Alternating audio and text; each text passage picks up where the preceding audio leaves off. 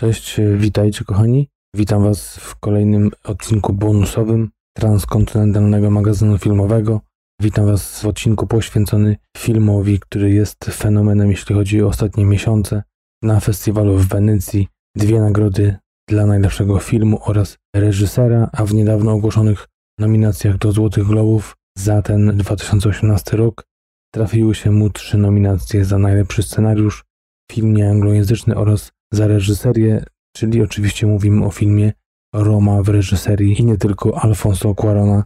Zatem zapraszam na odcinek bonusowy.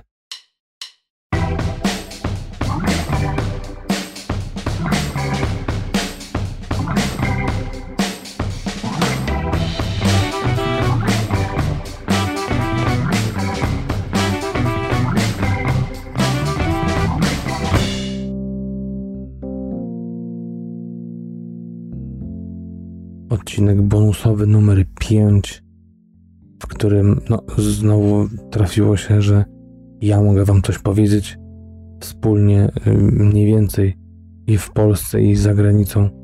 Była premiera, odbyła się właśnie w ostatni piątek, 14 grudnia, jednocześnie na platformie Netflix, jak i w kinach wybranych.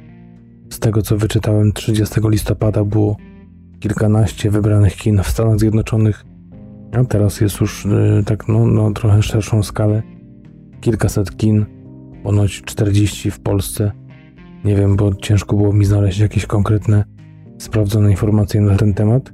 Ja natomiast ten film obejrzałem na platformie właśnie Netflixa, ale na dużym telewizorze z podłączonym kinem domowym, więc miałem taką namiastkę, można powiedzieć, tego odbioru kinowego, można powiedzieć, bo też ciężko jednak porównać, chociaż ostatnio miałem z Darkiem hmm, może nie tyle kłótnie, ale taką właśnie wymianę zdania a propos filmów jakie powinno się oglądać w kinie, jakie w domu, czy raczej które nie tracą przy takim domowym e, oglądaniu. No trochę się poróżniliśmy, ale to nie będę rozdrapywał starych ran.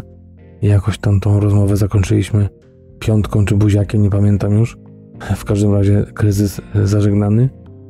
A dzisiaj chcę właśnie opowiedzieć o tym filmie, gdyż jestem dość świeżo po, po obejrzeniu. Kilka godzin minęło dopiero i od razu chcę się z Wami podzielić i oczywiście zachęcić. Od razu tutaj muszę zaspoilować. Będę zachęcał praktycznie tylko i wyłącznie do obejrzenia tego filmu, jeśli będziecie w stanie obejrzeć go w kinie, czyli gdzieś niedaleko Was jest y, taka właśnie placówka, która go wyświetla, to szczerze polecam.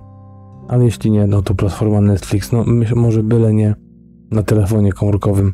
Chyba, że będziecie go trzymać bardzo blisko oczu i, i będzie to dość spory wyświetlacz, bo szczegółów, detali i dużych planów, na których mnóstwo się dzieje, jest tam niezliczona ilość.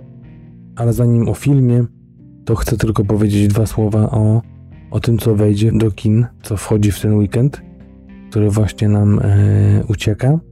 Jest kilka propozycji, ja tylko tak e, dwa, trzy słowa powiem o trzech.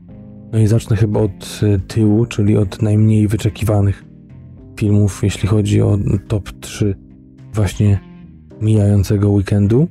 I tak mamy film Zwierzęta. Jest to koprodukcja polsko-szwajcarsko-austriacka, thriller fantastyczny, thriller y, fantazy. Film, którego reżyserem jest Polak, Grzegorz Zgliński, 50-letni twórca takich y, tytułów jak Wymyk z 2011 roku, czy też Cała zima bez ognia z roku 2004. Ale już jeśli chodzi o scenariusz, to tutaj wziął na tapet y, materiał zapisany przez dziennikarza i też właśnie scenopisarza, którym jest, e, którym był bardziej York Kalt. Zmarł już 11 lat temu, a znany z takich tytułów jak Crash Test Dummies z roku 2005, którego również był reżyserem.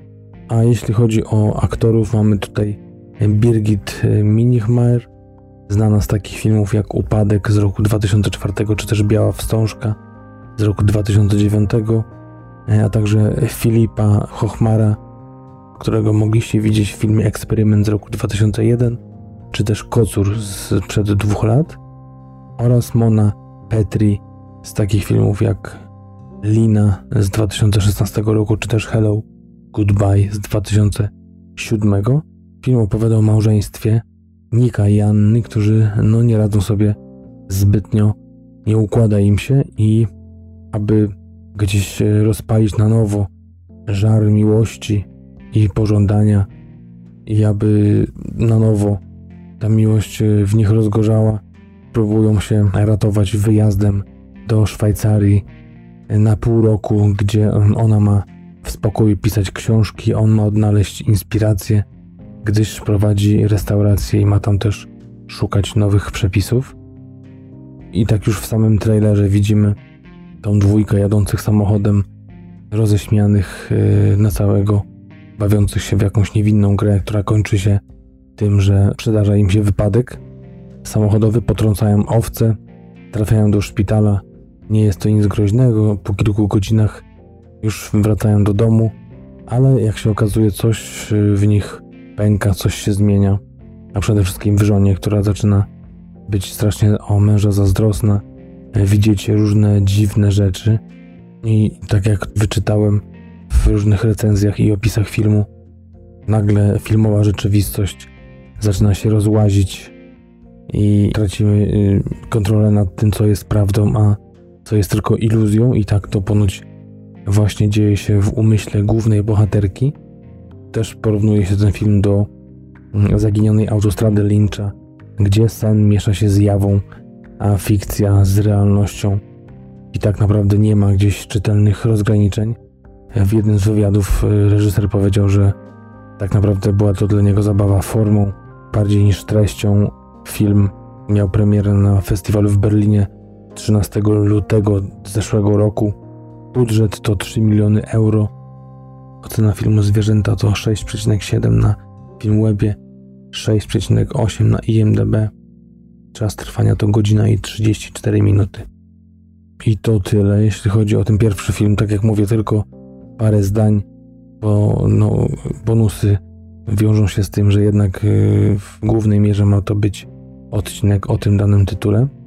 Ale mamy też y, film Kursk, francusko-belgijski film katastroficzny o tym, jak rosyjski atomowy okręt podwodny Kursk ulega wypadkowi w roku 2000, a brytyjski rząd oferuje pomoc w poszukiwaniu ocalałych z tragedii. Niestety oczy świata skierowane na Rosję wcale nie, nie przyspieszają działania machiny y, biurokratycznej i przez to skazała na śmierć 23 marynarzy uwięzionych we wraku.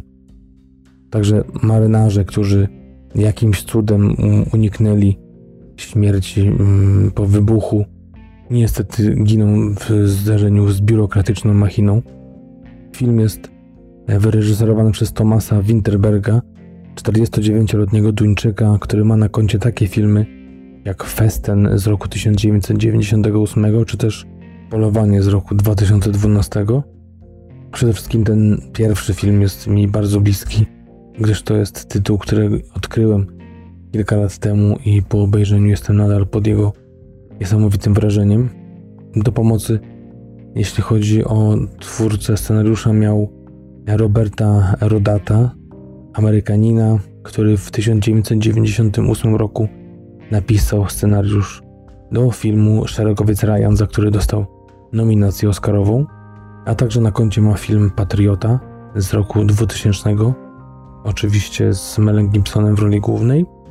Jeśli chodzi o obsadę aktorską, mamy tutaj Colina Firta, czyli Jak zostać królem, za którego otrzymał Oscara w roku 2011 oraz Samotny mężczyzna z roku wcześniej. Lea Seydoux, którą aktorkę francuską możecie kojarzyć z filmów Spectre, gdzie zagrała dziewczynę Bonda w 2015 roku, czy też Życie Adeli rozdział 1 i 2 z roku 2013, a także Michael Nyquist, dla którego jest to, no przynajmniej jeśli chodzi o premiery, przedostatnia rola, gdyż zmarł w zeszłym roku. Aktor grający w takich filmach jak Porwanie z roku 2011, czy też John Wick z 2014 roku. Jeśli chodzi o krytykę, mamy tutaj zarzut taki, że niepotrzebnie jest to zrobione w hollywoodzkim stylu po angielsku, a jest to no, kameralny, intymny dramat rosyjskich marynarzy skazanych na śmierć. Że jest to też krytyka Rosji, ale jednak przez to, że mamy kategorię wiekową PG-13, tak jak przy kolejnej produkcji, o której zaraz powiem, czyli do lat 13, to i tego dramatu nie można było naturalistycznie oddać, ani też zbyt głęboko zanalizować polityki Rosjan, więc to ponoć nie wyszło dobre, na dobre filmowi. Mm, jeśli chodzi o oceny 6,7 na IMDb, na Rotten Tomatoes jest to 71% zadowolonych krytyków i 89% widowni. Film web daje mu 7,8. Czas trwania godzina 57 minut, a budżet to 40 milionów euro. Ostatni film, o którym chcę powiedzieć, to jest najbardziej wyczekiwany film e, tego weekendu, czyli wersja lightowa, złagodzona filmu Deadpool 2 ze zmienionym tytułem Był sobie Deadpool z angielskiego Once Upon a Deadpool. Premiera tego właściwego filmu, czyli powyżej lat 16. Kategoria R miała miejsce 18 maja tego roku. Oczywiście film zarobił no, sporo, bo ponad 735 milionów dolarów. Tutaj tak samo jak oczywiście przy okazji pierwowzoru Deadpoola 2 ci sami aktorzy, ci sami twórcy, gdyż jedyną różnicą jest to, że powyrzucano z tego filmu, z tej oryginalnej wersji przekleństwa, zmniejszono maksymalnie ilość wylanej krwi, brutalności, dokręcono kilka scen, między innymi z Fredem Savage'em i tak to właśnie zapakowane ponoć nawet trwa bardzo podobnie. Zaserwowano właśnie młodszym odbiorcą. No i tak mam oczywiście reżysera Davida Leacha, autora takiego filmu jak Atomic Blonde z Charlize Theron z 2017 roku, a wcześniej głównie znany jako kaskader takich przebojów jak na przykład Podzielny Krąg, gdzie dublował Brada Pitta, czy też Replikant, gdzie udawał samego Jean-Claude Van Damme, a za scenariusz odpowiadają Paul Wernick oraz Reed Rees. Obydwoje pracowali przy części pierwszej Deadpoola oraz przy Zombieland z roku 2009, a także pierwszy raz debiutuje jako scenarzysta Ryan Reynolds, czyli główna gwiazda, główna postać tytułowa e, filmu, no nie licząc tylko zajawki czterominutowej, która wyszła właśnie do Deadpoola dwójki w zeszłym roku pod tytułem Deadpool No Good Deed. No i tak, jak mówię, tak samo jest z resztą obsady. Nic tutaj się nie zmieniło. Jeśli chcecie więcej usłyszeć o Deadpoolu 2, to przede wszystkim zapraszam na odcinek Darka. Tam w odcinku numer 23,5 od mniej więcej 23 minuty i 52 sekundy no, nawija makaron na uszy, można powiedzieć. Tam się trochę mm, rozwija. Ja tutaj za bardzo za dużo nie powiem, powiem tylko, że obok Reynoldsa zagrają, czy zagrali bardziej Morena Bakarin, Josh Brolin, Julian Danielson czy Zazie Bates, a także, tak jak powiedziałem wcześniej, Fred Savage e, z moich wspaniałych lat młodzieńczych, kiedy to wcielał się w dorastającego chłopaka w serialu Cudowne Lata. Ale też i małe rulki grają tutaj sam reżyser, scenarzyści Matt Damon czy też Brad Pitt, także warto szukać tak zwanych cameo gdzieś tam w tle. Tak jak mówię, to jest wersja dla młodszych. Tak jak powiedział kiedyś, e, no kilka miesięcy temu Ryan Reynolds, to co go skusiło do tego, aby nakręcić ten film jeszcze raz, czy raczej dokręcić, zmienić i wypuścić do kin, e, to było to, że duża część zysków będzie przekazane na Fundację Walki z Rakiem. A jeśli chodzi o tą stronę dystrybucji i producentów, to głównie chodziło o rynek chiński, w którym to ani jedynka, ani dwójka Deadpoola nie były wyświetlane. Wiadomo, jaki to jest rynek, jak e, chłonny i jak bardzo rozwijający się, i po prostu jakie to jest miejsce i kopalnia pieniędzy, mm, więc tam przede wszystkim ten film uderzy. i tam pewnie wybuchnie z y, ogromną siłą dla producentów. Taką czytałem opinię, czy warto obejrzeć tą właśnie wersję, jeśli widziałeś pierwszą, no jakby odpowiedź sama się nasuwa, jeśli widziałeś pierwszą, to znaczy, że tamta była dla ciebie, ta jest y, ocenzurowana, tylko dosłownie chirurgicznie zmieniona, więc prawie nie widać oprócz tego, że właśnie odchodzą te sceny brutalne i wulgarne, więc no raczej powinno się odpuścić, chyba że po prostu jesteśmy tak zakochani w Deadpoolu, że nie przepuścimy takiej okazji, żeby zobaczyć to w kinie, to takich oczywiście maniaków i psychowanów się nie zatrzyma. Ja raczej nie pójdę. Może kiedyś jak wyjdzie gdzieś na DVD, chociaż no, raczej chyba jednak wątpię. No i to tyle, mm, jeśli chodzi o te właśnie dwa, trzy słowa na temat premier, które wychodzą w ten weekend. Teraz przejdźmy już do e, wspomnianej Romy. Roma to film Alfonso Cuarona, czarno-biały dramat y, umiejscowiony w latach 70., a raczej konkretnie w roku 70 i 71. Tak jak można się mniej więcej zorientować po tym, co się dzieje na ulicach, to cała ta historia zamyka się właśnie w jednym roku życia rodziny. Rodziny, gdyż y, sam Quaron opowiada tutaj o swojej rodzinie. 90% materiału napisanego to jest jego nie tyle biografia, co wspomnienia z młodości, więc to jak on to zapamiętał. 57-letni reżyser, oczywiście rodem z Meksyku, z Mexico City, właśnie urodzony i wychowany w dzielnicy Roma, stąd właśnie tytuł. Ma na swoim koncie oczywiście takie hity jak Grawitacja z roku 2013, za który otrzymał dwa Oscary za montaż oraz za reżyserię. I w tym właśnie roku został pierwszym Meksykaninem, który otrzymał nagrodę za właśnie reżyserię.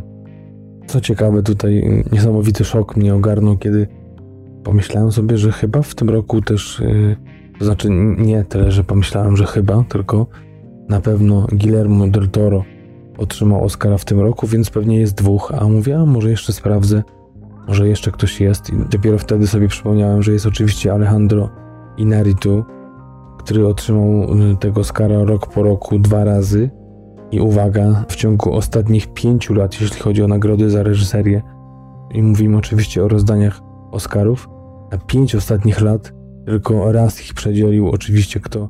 Damien Chazelle który otrzymał nagrodę jako najmłodszy reżyser w historii za La La Land.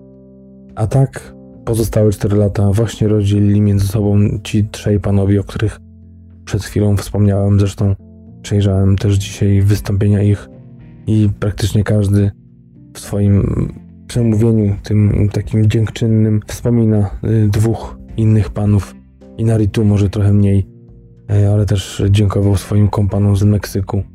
Natomiast y, Del Toro i właśnie Quaron wymieniają dwóch pozostałych z imienia i nazwiska, co mnie za, zaszokowało, bardziej zachwyciło i zwróciło uwagę, że jednak jeszcze mało wiem o filmie, że jeszcze sporo muszę się nauczyć, dowiedzieć i ucieszyłem się też oczywiście z tego, że prowadzę podcast i mogę takie informacje wyłapywać, mm, że Quaron, mm, czego też nie byłem świadom, Jakoś no, grawitacja zrobiła na mnie niesamowite wrażenie. Zresztą to jest jeden z pierwszych i niewielu filmów science fiction, do których e, moja żona, można powiedzieć, ma podejście bardzo pozytywne. Też ją strasznie zachwycił ten film.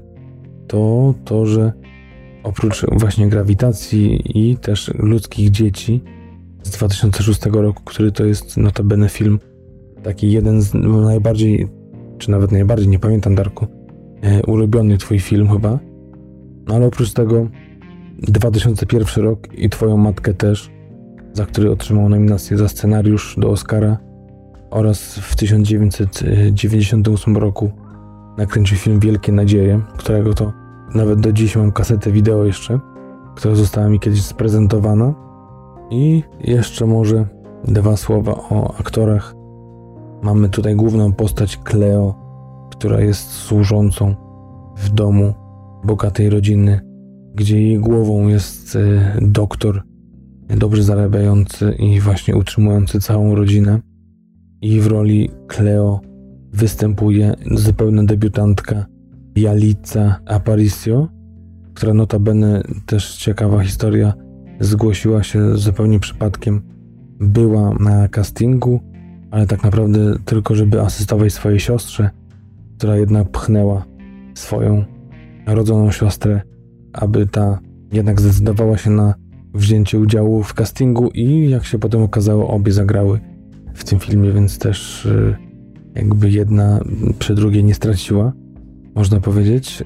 Do tego mamy też Diego Cortinę Atreya, do tego mamy też grupę młodych aktorów, a pomiędzy nimi wystąpiła mm, jedyna zawodowa aktorka Marina de Davira, którą możecie znać z takich filmów jak Efectos Secundarios z roku 2006 oraz serial z tego samego roku Kapadocja. To tyle jeśli chodzi o twórców. Teraz wspomnę kilka słów a propos tego, jakie były kulisy powstania i przede wszystkim o tym, o czym jest film. E, jak wspomniałem na samym początku, 90% filmu to jest e, wspomnienie samego Quarona, jego dzieciństwa, jego rodziny, sam, jak to powiedział, bo trzeba wspomnieć, że mm, w rodzinie jest właśnie matka, ojciec, babka oraz czwórka dzieci, trzech chłopców i jedna dziewczynka. I właśnie on był, jak to wspomina w jednym z wywiadów, tym średnim bratem. I sam właśnie film, którego budżet wyniósł 15 milionów dolarów, opowiada o takim codziennym życiu tej właśnie rodziny, która ma przy boku taką, można powiedzieć, kompankę, bo jest to służąca, ale taka bardzo bliska rodzinie, bardzo związana z dziećmi, taka typowa niania, ale i pokojówka, oddana całemu domowi, która ma bardzo dobry kontakt z dziećmi, można nawet powiedzieć lepszy niż matka e, momentami, której też czasami często nie ma w domu. Mm, I też przyglądamy się właśnie takim momentom newralgicznym w tej rodzinie. Obserwujemy tak jakby oddzielne trzy obrazy tych dzieci, trochę taki beztroski obraz. Potem mamy też właśnie życie matki i ojca, a bardziej właśnie matki, gdyż e, film mocno skupia się na postaciach właśnie kobiecych i służącą Cleo, która ma też swój dramat jakiś tam przeżywa. Mieszkają właśnie wszyscy w jednym domu i gdzieś e, no to się ze sobą przenika.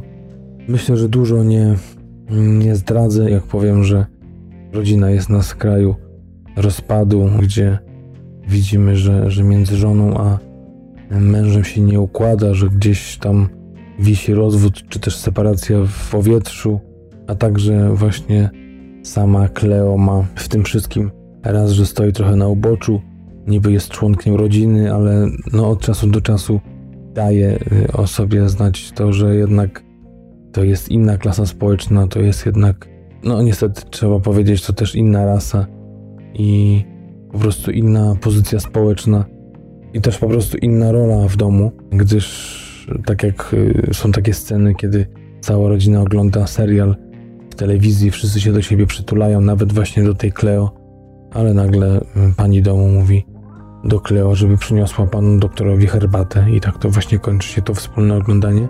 Takich scen jest kilka, chociaż y, jednak obrazuje to i pokazuje to oddanie rodzinie, dużą wdzięczność kobiecie za jej pracę. No chociaż właśnie, tak jak mówię, te, te różnice jednak nie dają się tak zatrzeć. Niesamowita jest pierwsza scena otwarcia, y, kiedy widzimy tylko kawałek podłogi. Słyszymy, że gdzieś ktoś szoruje właśnie tą posadzkę i nagle zalewa się y, ta podłoga wodą. Widzimy odbicie sufitu, dziedzińca i widzimy prześwit na chmury gdzie przelatuje samolot i to też jest niesamowite wrażenie, jak ten samolot dla mnie to było jakby on przepływał, przelatywał między tymi bąblami e, wody, która właśnie zalewa z płynem do mycia właśnie tą podłogę. No niesamowity zabieg realizatorski. Tu też warto wspomnieć o tym, że Quaron oczywiście jak zwykle chciał współpracować e, ze swoim ulubieńcem Emanuelem Lubeckim przy właśnie tym filmie jako operatorze kamery, autorze zdjęć, ale z racji tego, że Cuaron też chciał mieć jak największą wolność przy tym filmie i ten czas zdjęć w planach powiększał się i powiększał z dnia na dzień i urósł aż do 108 dni zdjęciowych, które to były drugim pod względem długości filmów w karierze właśnie Alfonsa, zaraz po Harrym Potterze. To też ciekawe, że Harry'ego Pottera w 2004 roku wyreżyserował. Zupełnie tego nie wiedziałem. Też byłem tym zaskoczony. W każdym razie tak to się rozrosło, że jednak e, Lubecki powiedział, że nie jest w stanie po prostu pogodzić tego z innymi obowiązkami i no nie mógł przy tym filmie pracować. Co jeszcze ciekawsze to, że oglądałem na Filmwebie, to też polecam, wywiad e, właśnie z Alfonso Cuaronem a propos filmu Roma i tam właśnie zapytany przez redaktora, jak to wyszło, że sam w końcu był autorem zdjęć i operatorem kamery w swoim filmie, powiedział, że właśnie Lubecki nie miał czasu. Drugą osobą, którą chciał, której pragnął na planie, to był współpracownik jego przyjaciela, jego brata, jak to mówi, Pablo, którym jest oczywiście Paweł Pawlikowski. I chodziło oczywiście też o Łukasza Żala, który był nominowany za Idę, za zdjęcia, ale niestety jak się okazało, w tym samym momencie Pawlikowski zaczynał zdjęcia do zimnej wojny. Notabene, bo to słowo już chyba dzisiaj pada trzeci raz, ale jest y, bardzo adekwatne, bardzo, ale to bardzo podobne filmy. I to nawet nie tyle, że, że są z czasów odległych, że są. No, ten zimna wojna jest jeszcze z wcześniejszych lat, ale też jest czarno-biały i też jest mocno nakropiony tą biografią mm, autora. Tutaj mamy Quarona i jego dzieciństwo, tam mamy historię rodziców Pawła Pawlikowskiego. No, oparty film może mniej niż tutaj w przypadku Romie, ale też zbliżony i w wywiadzie dla Filmwebu Quaron podkreśla, jak blisko jest związany z Pawlikowskim, jak bardzo go podziwia, że jest jednym z niewielu autorów i reżyserów, których tak bardzo podziwia. I cieszę się tylko, że jeżeli dojdzie do rywalizacji gdzieś właśnie na przykład przy Oscarach, to po prostu będzie fajna możliwość, żeby się spotkać, porozmawiać i poprzebywać razem, bo tak to nie ma nigdy czasu. Więc taki fajny akcent wynalazłem i naprawdę sympatycznie się miło też zrobiło na, na duchu, że tacy no wielcy artyści, można powiedzieć, jak Quaron, y, tak dobrze myślą i wysoko o naszych twórcach. Jakby nie było świetnych, ale, ale jednak to też, y, tak jak mówię, fajne uczucie. Wracając jeszcze do informacji około filmowych, to jest to, tak jak mówi reżyser, film poświęcony Lee, bo to była właśnie służąca jego rodziny i po prostu zmienił tylko imię. Dom, w którym kręcony był film, to jest dokładnie ten, w którym mieszkał w dzieciństwie. Quaron, to ciekawe, też widziałem wywiad z Gabrielą Rodriguez, która była producentką filmu. Pomagała Quaronowi, który był no, tutaj człowiekiem orkiestra, bo i autorem scenariusza, reżyserem, autorem zdjęć, montażystą. Producentem też oczywiście.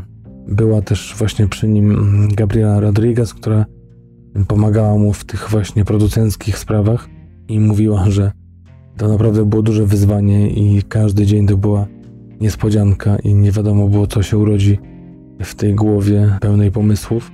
I kiedy właśnie przyjechali na lokację i spotkali sąsiadów Quarona z tych czasów lat 70., i jeden z sąsiadów powiedział: A tutaj po drugiej stronie ulicy to kiedyś siedział taki niedźwiedź i on grał na bębnach.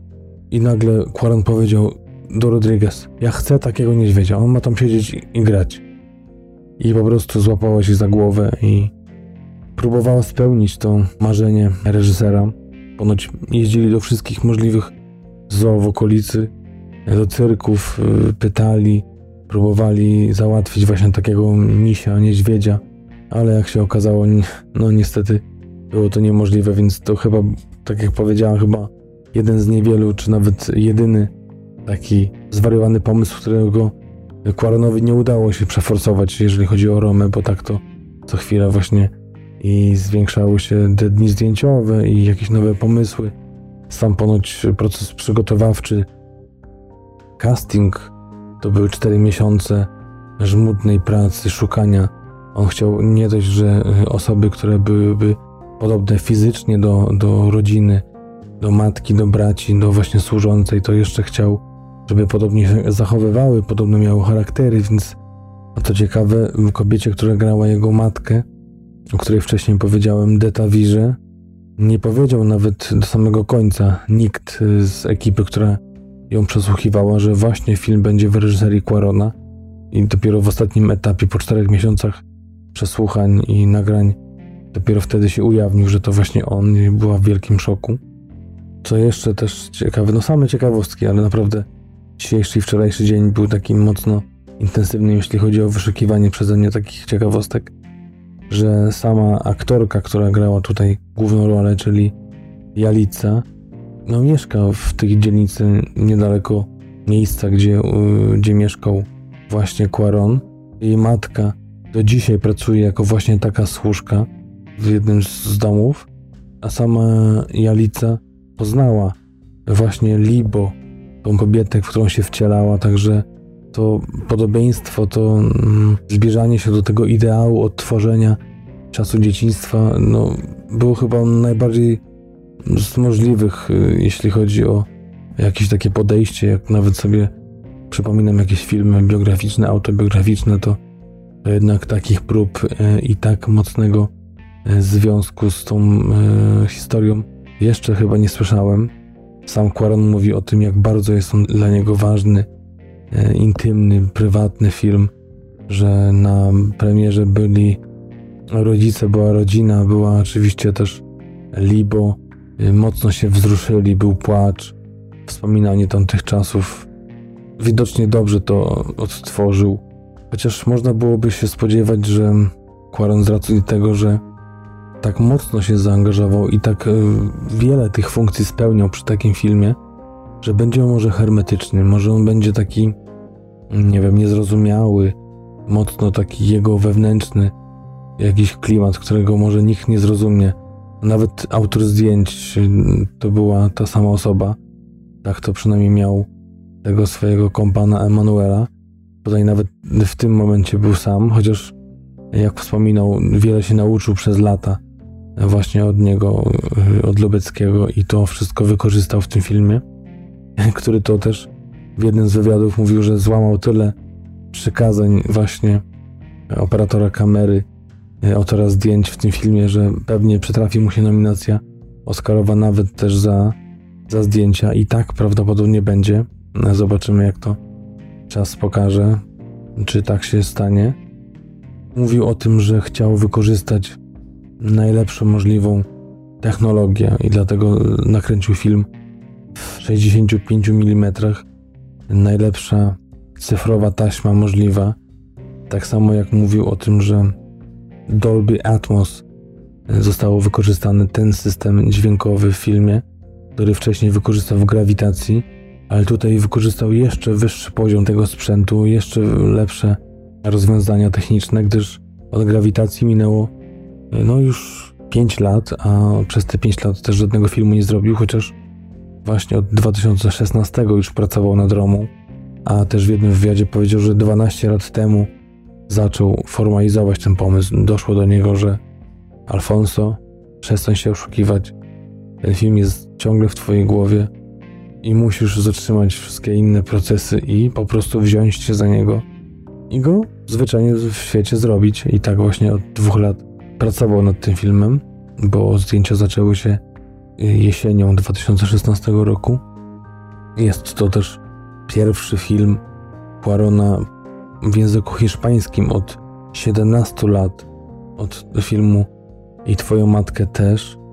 No, to też jakby nie było dyskusji, jeśli chodzi o to, bo mówił, że jak mm, były pierwsze momenty, kiedy pojawiały się w jego głowie obrazy z tego filmu, czy to, że właśnie taki film będzie chciał stworzyć, to były trzy najważniejsze rzeczy. Cleo, czyli chce opowiedzieć, jakby gdzieś wynieść na piedestał ją, a także i swoją matkę i generalnie kobiety swojego życia. Dwa, historia, chcę odtworzyć to jak najlepiej, Z tego też względu 70% e, nawet z e, mebli, które były wykorzystane w tym filmie, to było zebrane meble z różnych części Meksyku po całej rodzinie. Próbował zebrać te, które właśnie w tym 1970 roku były w jego mieszkaniu. A po trzecie, właśnie chciał, żeby to było w czarno-białym kolorze. Nie było żadnej innej opcji, jak to opowiadał.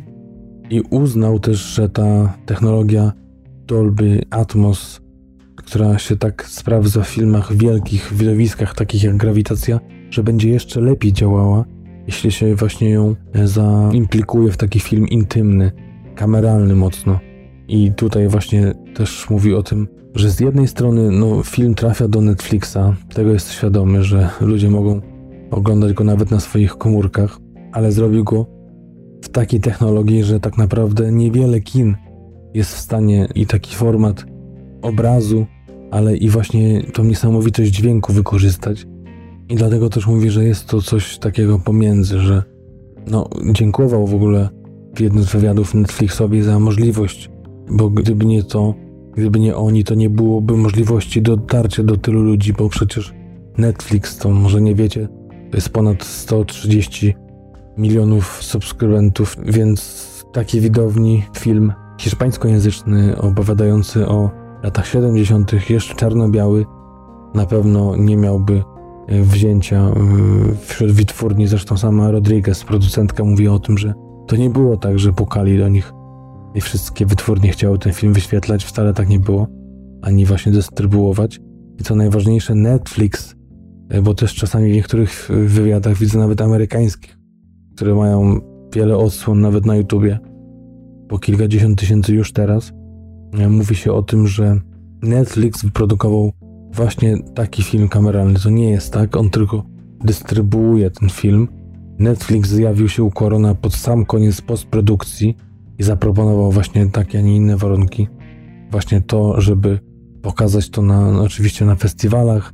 Próbowali do Cannes, tam jak pewnie wiecie, jest teraz taki bojkot filmów, które gdzieś tam mają trafić wcześniej, po kilku tygodniach już na te platformy streamingowe jak Netflix, więc y, zawitali do Wenecji, a że tam był przychylny szef jury Guillermo del Toro. No ja nie mówię, że z tego względu, że on tam był, to przypadły nagrody, ale najlepszy film, najlepsza reżyseria właśnie w Wenecji trafiła właśnie do Romy i Quarona. A co jeszcze ciekawsze jest to, w jaki sposób podszedł do tej produkcji, do pracy z aktorem, do pracy w ogóle z całą ekipą Quaron, gdyż nikt oprócz niego nie miał scenariusza. Każdego dnia rozdawał dialogi aktorom, instruował ich, ale nikt dzień wcześniej nie wiedział, jaka będzie scena. Pracowali nad tymi scenami fragment po fragmencie. Nikomu nic nie mówił. Taki miał pomysł na to, że też dodatkowo, żeby sobie utrudnić, czy nawet nie sobie, tylko aktorom, a sobie jakby okiełznanie tego chaosu, prowadził taką zasadę, że dawał instrukcje aktorom. Na przykład w jednej scenie kilku aktorom dawał sprzeczne instrukcje. Jeden miał jedne wytyczne, drugi miał drugie i nagle trafiali na siebie i musieli reagować, improwizować. Yy, wiele, wiele. Powiedział, że na pewno dużo więcej niż 50% to były sceny i dialogi improwizowane, przynajmniej w jakimś fragmencie, gdyż, tak jak mówię, aktorzy musieli reagować na to, co się dzieje. Czasami też w ogóle nie pracował z aktorami wspólnie, w sensie nie instruował ich grupowo, tylko z każdym rozmawiał indywidualnie, właśnie po to, żeby stworzyć ten chaos. Jak to w jednym wywiadzie powiedział, że pracą reżysera jest właśnie okiełznanie chaosu, który jest po prostu częścią życia i tak właśnie sobie wymarzył w tym filmie i dosłownie tak jak chciał, w 100% zrobił tak jak właśnie miał to w pamięci, jak to miał w zamyśle na samym początku. Chociaż, tak jak też wspomniał w jednym wywiadzie, nie ogląda w ogóle swoich filmów, więc pewnie Romy też już nie obejrzy. Wie, że jak wraca do filmu, to usiadłby go, rozebrał na części i zrobił jeszcze raz, jeszcze coś poprawy, więc tutaj też mówi, że no nie ma zamiaru oglądać go zbyt wiele razy, czy raczej no, później, teraz w tym procesie festiwalowym. Tyle ciekawostek, a jeszcze żadnej recenzji, żadnego opisu. Widzicie, to też jest tak, że, że niesamowite historie tutaj były związane z tym filmem, z tą produkcją, z tym, jak do tego Quaron podchodził. Chciał też, żeby kamera, która właśnie istniała, która była w tych scenach, przez którą oglądamy to, co się dzieje, żeby była jako taki duch, duch teraźniejszości odwiedzający przeszłość, bez interakcji, bez wtrącania się, tylko właśnie sama obserwacja, nie ma komentarza, że sam obraz, samo to, co się dzieje, ma się samo komentować. Dlatego też teraz, jak e, po projekcji, po, po obejrzeniu filmu, dopiero teraz e, usłyszałem wywiady z nim, kiedy mówił, że to jest tak naprawdę właśnie dokładnie historia jego rodziny, jego ojca, matki, jego rodzeństwa i służącej, że tak naprawdę faktycznie, e, jeśli jest jakiś konflikt, jeśli no, przeważnie to się tak przynajmniej mi na wstępie układało, że, że jakby winien był mężczyzna, że kobiety są zostawiane same sobie i radzą sobie w tym życiu i są może nawet i lepsze w przetrwaniu niż faceci, to jednak nie do końca widzimy, czy to jest właśnie wina e, strony męskiej. Po prostu nie wiemy, tak? Jakby też Quaron opowiada to z pozycji siebie jako dziecka, które właśnie pamięta te sceny takie, jak, jak się działy, tak? Dziecko, jak jest małe, to przyjmuje to, co się dzieje, takie, jakie jest, nie, nie myśli, nie analizuje tego. I też tak to właśnie tu wygląda, że te błędy nawet mężczyzn nie są wytłumaczone z ich strony. Może tam jest jakiś głębszy sens, może tam jest y, wytłumaczenie tego ich zachowania. Tego nie wiemy. Możemy się spodziewać, że coś takiego jest, no chyba, że w ciemno zawierzymy tym reakcjom kobiet i to, że jednak one są zawsze krzywdzone w 100%. Ale właśnie widać to, widać to na każdym kroku, że nie ma tej oceny. To też niesamowite, że te trzy różne historie, tak jak powiedziałem, służącej matki i te dzieci, które są, no w miarę można powiedzieć, takie beztroskie. Te trzy emocje, trzy dudniące życia spotykają się w tych samych pomieszczeniach. Jeśli będziemy oglądać to na telefonie na przykład, czy tablecie, a nie będziemy skupieni, w ogóle film wymaga niesamowitego skupienia na detalach, gdyż tak to właśnie y, to wszystko jest ułożone, że trzeba każdą rzecz wyłapać. To są takie sceny łapiące za gardło, gdzie widzimy tylko wzrok głównych bohaterów, którzy na przykład patrzą w różne kierunki, widzimy te różne emocje, które się przebijają. Widzimy historie, o których opowiadają, które są niesamowite. Brzmią przynajmniej dla nas, dla ludzi z tego świata, takiego spokojniejszego, bo to jest Meksyk, gdzie w roku 70 też były zamieszki, różne protesty. Widzimy też trzęsienie ziemi wtedy, które nawiedziło Meksyk. Także różne te historie się dzieją też tragiczne i, i też wesołe. I to wszystko obserwujemy właśnie przez tą kamerę, przez to oko. Właśnie nie ma jego dziecka, tylko kogoś, kto stoi z boku. I to jest jeszcze domalowane tym czarno-białym kolorem, który jeszcze zarysy podkreśla. Zauważyłem, jak niesamowicie ogień wygląda, taki zmultiplikowany, jeżeli na przykład jest scena, kiedy pali się las, to jak wygląda ogień w właśnie takim czarno-białym kolorze, zupełnie inny odbiór niż kolorowy. I mówię, takie drobne gesty, drobne zachowania, które obrazują nam raz tą rodzinę, to jak ta służąca integruje się z nimi, jak jest jej częścią, ale od razu możemy wnioskować, jak to wygląda z tym podziałem rasowym, społecznym w, całej, w całym Meksyku a może i nawet na całym świecie, y, z różnych gestów siostrzanych, mężczyzn do kobiet y, w ramach scen łóżkowych, jakichś intymnych rozmów. To wszystko się tak kotłuje. Niby właśnie jest spokojny film, niby nic się za bardzo nie dzieje. Akcja płynie swoim torem, tak jak życie. Nie jest zbytnio popychana żadną większą reakcją, żadnym większym dramatem. Kobiety próbują sobie radzić z tym, co życie im przynosi i to jest właśnie, tak jak powiedziałem już wcześniej, hołd dla nich i w ten sposób pokazuje to sam Quaron. I też no, zadziwiają mnie, jak patrzyłem na negatywne opinie, na, na przykład na Rotten Tomatoes, kiedy, kiedy jeden z no, takich bardziej chyba poważanych, z tego co widziałem, krytyków, bo nie jest chyba wiele, nie wiem, około 10 jest tych negatywnych, że fajnie, że, że ładny ten film, jeśli chodzi o dźwięki, jeśli chodzi o obraz, ale nudny. Jakie emocje tworzą się w tych ludziach, jakie, jak te relacje są dynamiczne, jak one, ta miłość, przyjaźń, jak to wszystko ewoluuje. Zapiera dech, tak naprawdę oglądamy ten film, jakbyśmy oglądali Speed, niebezpieczna szybkość, chociaż nic tak nie pędzi, nic nie goni, a serce bije, zmusza do wzruszeń, zmusza do ha, śmiechu, do płaczu. Sceny są przybijające, sceny są majestatyczne, mityczne. Tak naprawdę widać przemyślenie w każdym detalu, skupienie niesamowite na tych detalach, które mogą zgubić reżysera. To fakt, bo czasami takie zbytnie oddanie się właśnie tym drobiazgom, e, gdzieś tam traci się zarys historii, traci się wątek, ale z drugiej strony dzieje się dużo, ale jakby działo się mało. I jest o wszystkim, ale jakby o niczym. Będąc o niczym, jest o wszystkim. Dodatkowo widać to uczucie, którym ten reżyser darzy ten film.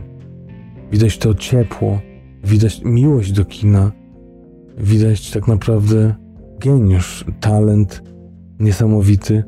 I to, że może jednak tak jak ten Elem Klimow powinien Quaron skończyć po tym filmie, a jednocześnie w wywiadzie podkreśla, że nie wstydzi się żadnego filmu, chociaż to nie jest, nie był akurat przytyk, że jakiś film zrobił zły, ale to, że na przykład tutaj miał taką wolność, a w poprzednich filmach jej nie miał, że jednak mówił, że każdy film jest po to, żeby zrobić lepiej następny film.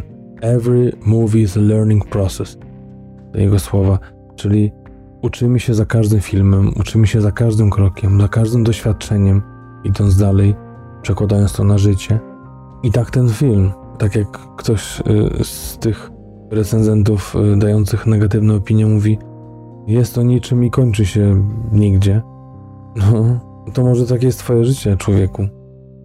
No to nie jest tak, że się kończy niczym, tylko życie się po prostu toczy dalej, a nie jest jak z dzikiego westernu, że co chwilę się coś dzieje, a jednak się dzieje.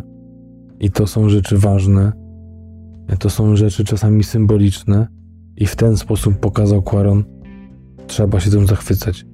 I tak jak nie lubię powiedzenia Sienkiewicz wielkim poetą był, tak Quaron moim zdaniem jest wielkim reżyserem, Pokazał to w poprzednich filmach i pokazał to, udowodnił to w tym filmie. Kończy w tym momencie. Oczywiście, że daje 15 na 15. Film wybitny, arcydzieło. Myślę, że będzie wspominany po latach.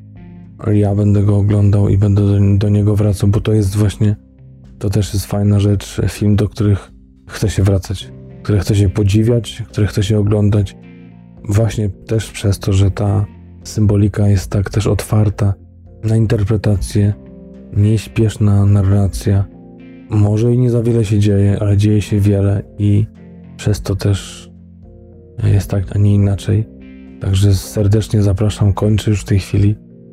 Nie mam już nic więcej do powiedzenia oprócz tego, że zapraszam na nasze strony www.tmfpodcast.com.